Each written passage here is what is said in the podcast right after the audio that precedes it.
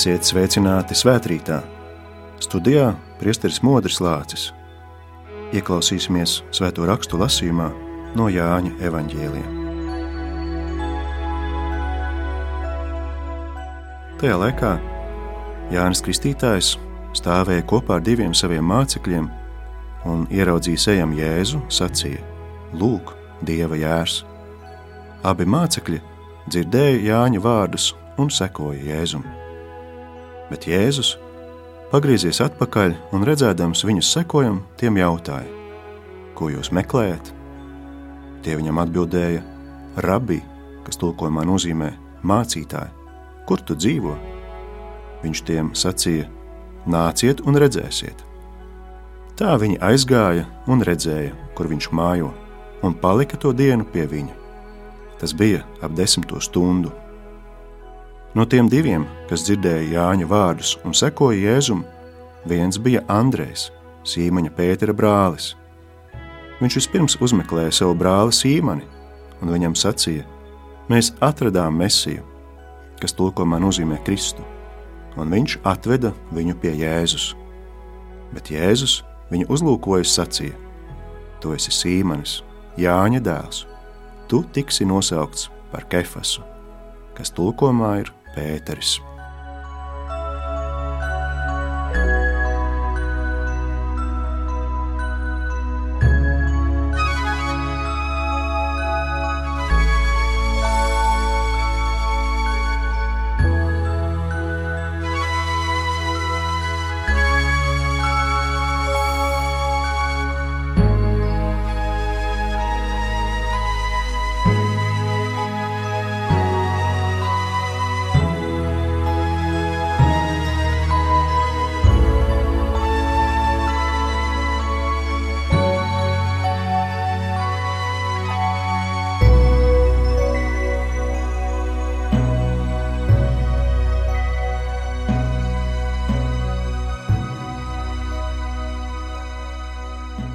Ir cilvēki bez mājām, ir tādi, kuri no mājām izdzīti, un viņu vietā iemitinājies kāds cits.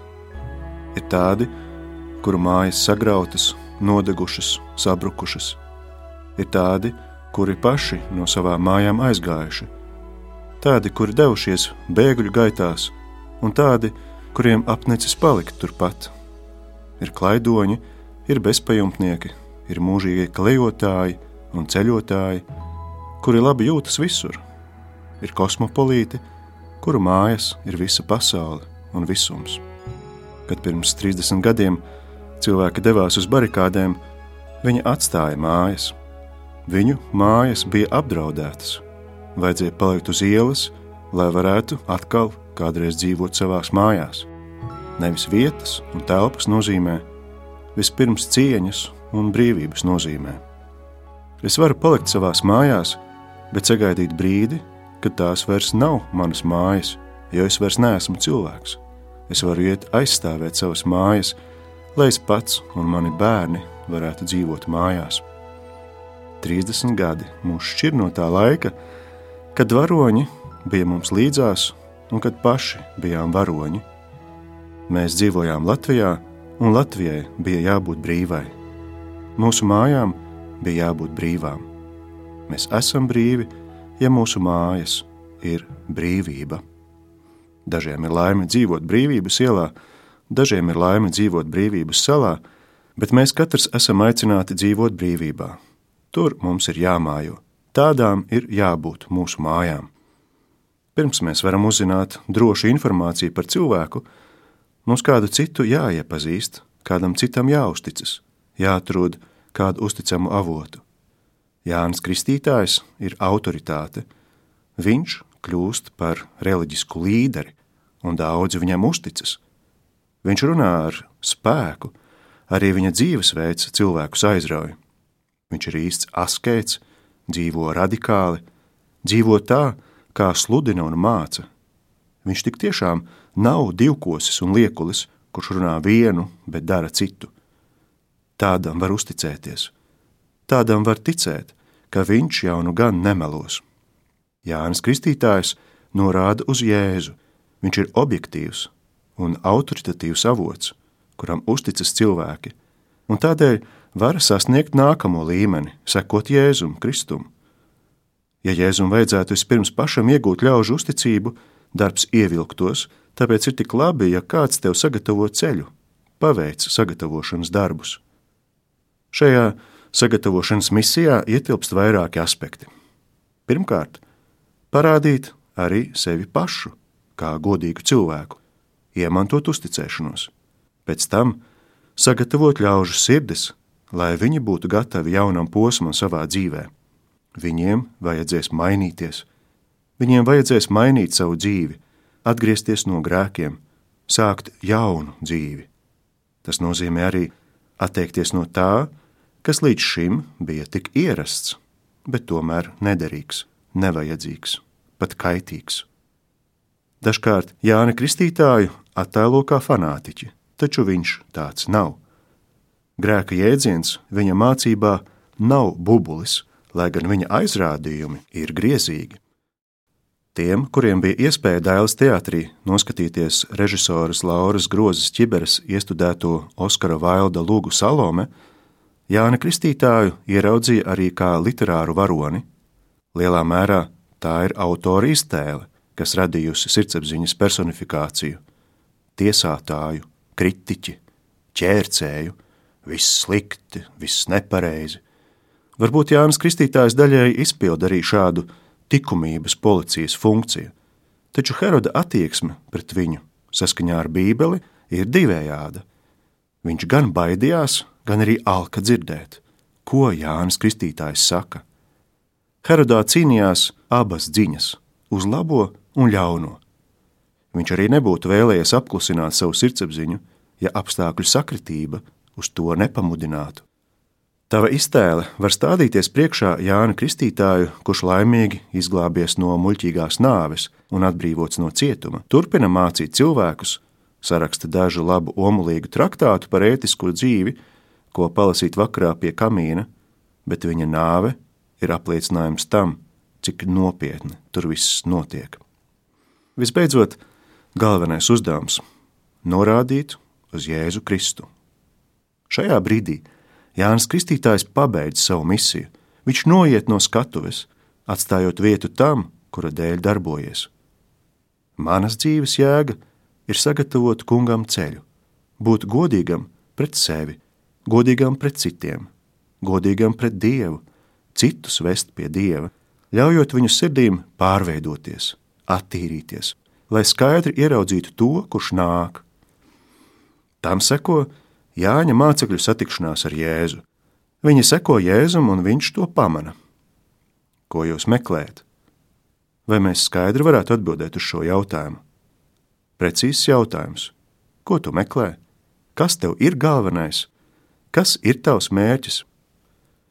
Šodien mēs atkal to pārformulējam – jo dzīve mūs piespiež ieskatīties sevi. Tas, kas bija mērķis vakar, šodien vairs nedara. Viss ir mainījies, un nekad vairs nebūs tā kā agrāk. Šodien Jēzus uzdod jautājumu tev un man: Ko tu meklē? Viņu vairs neinteresē, ko mēs meklējām vakar. Tas vai nu nav atrasts, vai arī vairs nav aktuāls. Šodien man ir skaidri jāsaprot, ko es meklēju, kas man ir svarīgs kas ir vērtīgs manā dzīvē, kas ir mana lielākā bagātība, par ko es šodien esmu gatavs atdot dzīvību.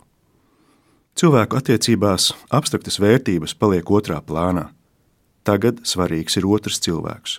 Tu esi mana vērtība. Kas esi tu? Tas man interesē. Man jāzina par tevi viss, kur tu dzīvo. Šķiet, ka šāda atbilde ar pretjautājumu, ko parasti piemin anekdotēs, ir izvairīšanās no skaidras atbildes. Vai Jāņa mācekļi varēja atbildēt: Jēzu, mēs meklējām tevi, tagad mēs esam tevi atraduši, mums vairāk neko nevajag? Nē, ar šo brīdi viss tikai sākas. Mēs tevi esam atraduši. Nav vairs jautājums par to, vai mēs drīkstam kļūt Jēzus mācekļi. Mēs jau pārlecam pāri šai pieklājības ceremonijai un prasām, kur tu dzīvo. Mēs iesim pie tevis Tagad mēs dzīvosim tur, kur dzīvo tu. Mēs dzīvosim ar tevi kopā. Diezgan nepieklājīgi, lai neteiktu bezkaunīgi. Kāda tev daļa, kur es dzīvoju, kāda jums darīšana, kur ir manas mājas? Manas mājas ir mana pils, mans cietoksnis, mans kaktiņš un stūrītis, kur tev nebūs bāzt savu degunu. Mana māja ir mana izolācija, un es tur ielaižu citus caur savu webkameru. Dažiem ir kompleksi tiešsaistes sapulcēs un nodarbībās slēgt iekšā kameru, jo tā taču esot ielaušanās manā privātajā zonā. Mēs tagad katrs esam uz skatuves. Mēs ciemojamies viens pie otra, neizejot no mājām. Mēs skatāmies ekrānā un pie sevis jautājam, kur tu dzīvo. Varbūt kāds arī notiesā otru, redzot, kas portretam fonā. Varbūt greznība, varbūt posts. Kur tu mājo? Vai mani interesē vieta, kur mājo Dievs? Mēs zinām, ka Dievs ir klātesošs visur. Nav tādas vietas, kur viņš nebūtu. Šī iespēja dota tikai viņam. Viņš pats to sev piešķīris. Dievs nevar būt citādāks. Kur tu mājo? Mēs jautājam, jo sajūtam, ir brīži un ir vietas, kur jaušama viņa prombūtne. Kaut kas no tā visa, kas mums šķitis drošs un labs, šeit pietrūkst. Dažkārt pašu ēli definē kā stāvokli, kurā Dievs cilvēku atstāja.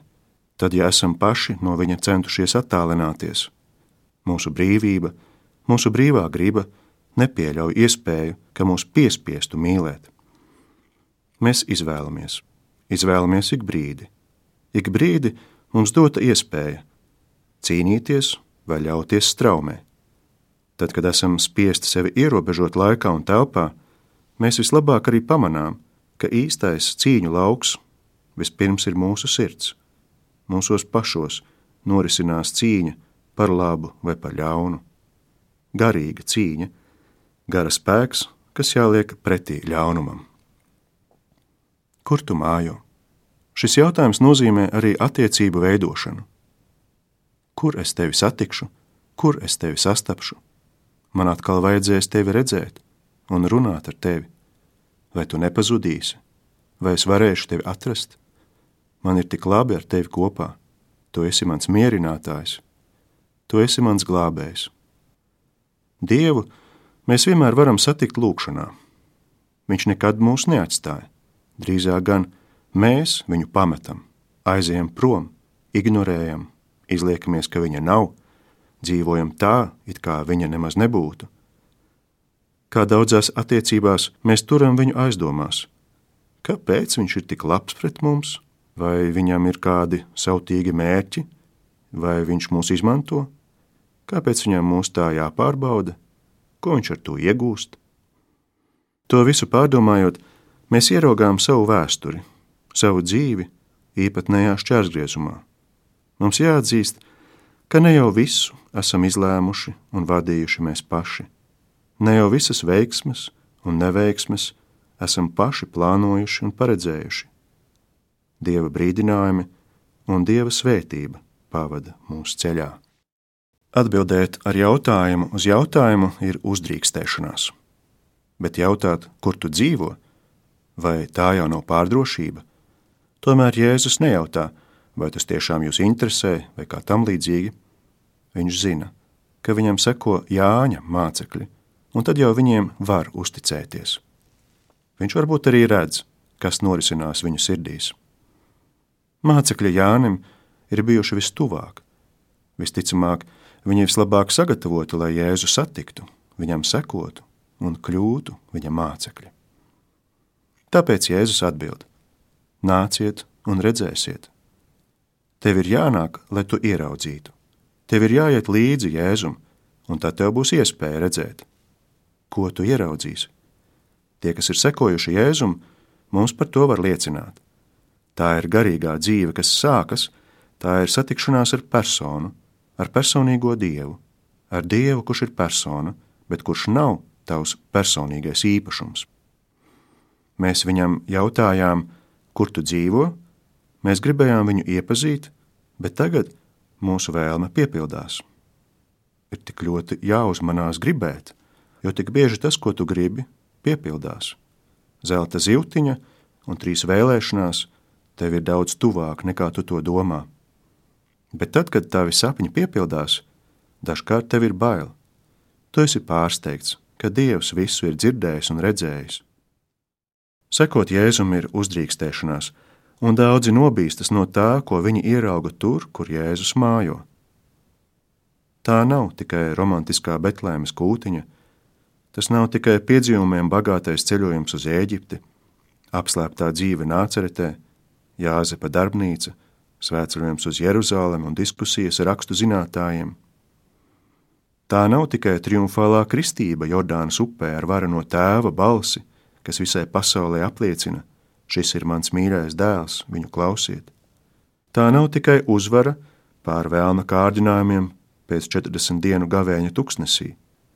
Tā nav tikai ūdens pārvēršana vīnā, maizes pavairošana, slimo dziedināšana, mirušo augšām celšana, interesantie sprediķi ar daudzajām līdzībām.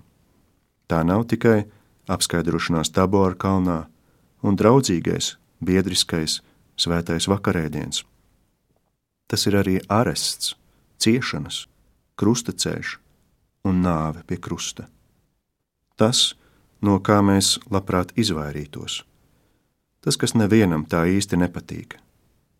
Mums jau katram ir savs krusts, kuru jānes, sekojot Jēzum. Mums bieži nepatīk mūsu krusts, tāpēc sev jāatgādina, mans krusts ir piedalīšanās Jēzus dzīvēm Tā es viņam varu sekot. Ja es nemetu prom savu krustu, tad es viņam sekoju. Un, ja es viņam sekoju, tad būs arī augšām celšanās, uzvara pār nāvi, grēku, ļaunumu. Mūžīga, bezgalīga mīlestība, kad neviens vairs nevar tev atņemt to, kuru tu mīli. Tā viņa aizgāja un redzēja, kur viņš mājo, un palika to dienu pie viņa. Pagaidām tā ir tikai viena diena. Tā ir iepazīšanās. Izziņa ir pakāpenisks process, lai gan brīdis, kad izgudrotājs un atklājējs sauc eirēka, liecina par citiem izziņas veidiem. Dažkārt tā var būt mirklīga apskaidrība, iracionāla, mistiska, tāda, ko vēl jāpierāda. Par slaveno izgudrotāju Nikolu Teslu stāsta, ka viņš savus izgudrojumus redzējis kā vīzijā jau gatavus. Varbūt arhitekts kādā brieduma brīdī redz savu projektējamo māju jau gatavu, varbūt tēlnieks un gleznotājs arī. Tā ir kāda iedvesma, radošā dzirksts, kas pēc tam tevi vadīs, un tu nenovirzīsies no mērķa. Tādam jābūt mana darba rezultātam. Tā es darīšu. Aizver acis, sakoncentrējies lūdz svēto garu, lūdz apskaidrību, lūdz gudrību. Viena diena pie Jēzus mācekļiem ir kā grūdienis, starta brīdis. Tas ļauj darboties un turpināt. Būs vēl nākamie posmi, bet šis noteikti ir ārkārtīgi svarīgs. Ko tu dari pēc šāda izšķiroša brīža? Droši vien dalies ar savu brāli. Tu esi atradis visvērtīgāko, un tu negribi to paturēt tikai sev. Tu gribi, lai citi redz šo brīnumu, lai tie, kurus tu mīli, arī to ieraug un iegūst. Līdzīgi Jānim Kristītājam, mēs atkal esam tie, kas sagatavo ceļu pie Jēzus. Andrejs, Sīmaņa Pētera brālis, viņš vispirms uzmeklēja savu brāli Sīmanu un viņam sacīja, mēs atradām mesiju, kas tulkojumā nozīmē Kristu, un viņš atveda viņu pie Jēzus. Kas jādara vispirms? Jāuzmeklē brālis, jāstāsta viņam par to, ko esi atradis. Vai tu esi autoritāte savam brālim? Vai viņš tev uzticas? Ja tu dzīvo ar viņu kopā ikdienā, šaurībā, strādājot attālināti, tavs brālis jau kļuvis tik caurskatāms un caurspīdīgs. Vai tu redzi viņa cilvēcību? Vai tu viņam tici? Vai viņš tev tic? Šodien mums ir liels izaicinājums pieņemt savu trauslumu un otra cilvēka trauslumu, savu ierobežotību un otra ierobežotību. Ir kārdinājums neticēt otram, kārdinājums noraidīt otru, neusticēties, nepaļauties uz otru. vai Andrēs un Sīmanis ir seno laiku cilvēki? Vai šodien mēs nevarētu tā vienkārši un paļāvīgi uzticēties otram? Varbūt pamēģināt. Tu paklausi savam brālim un ej viņam līdzi pie Jēzus. Tavs brālis tev uzticas, un tu viņu aizved pie Jēzus. Bet Jēzus, to, kurš atvests, ieceļ saulītē, tagad tas otrs ir izredzētais. Vai tevi tas kaitina? Es taču viņu atvedu. Bet Jānis Kristītājs un Andrejs abi priecājas, ka ir kādam palīdzējuši iepazīt un iemīlēt Dievu, ceļu, patiesību, dzīvību, mīlestību.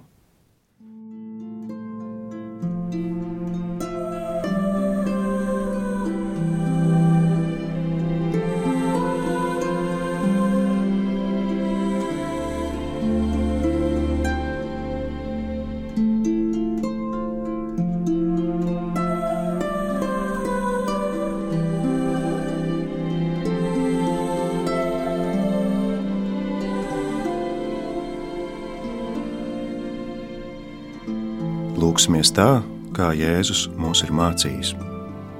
Tēvs mūsu, kas esi debesīs, svētīts lai top tavs vārds, lai atnāk tava valstība, tavs prāts, lai notiek kā debesīs, tā arī virs zemes. Mūsu dienascho maizi dod mums šodien, un piedod mums mūsu parādus, kā arī mēs piedodam saviem parādniekiem, un neieved mūsu kārdināšanā, bet atvestī mūs no ļauna Amen.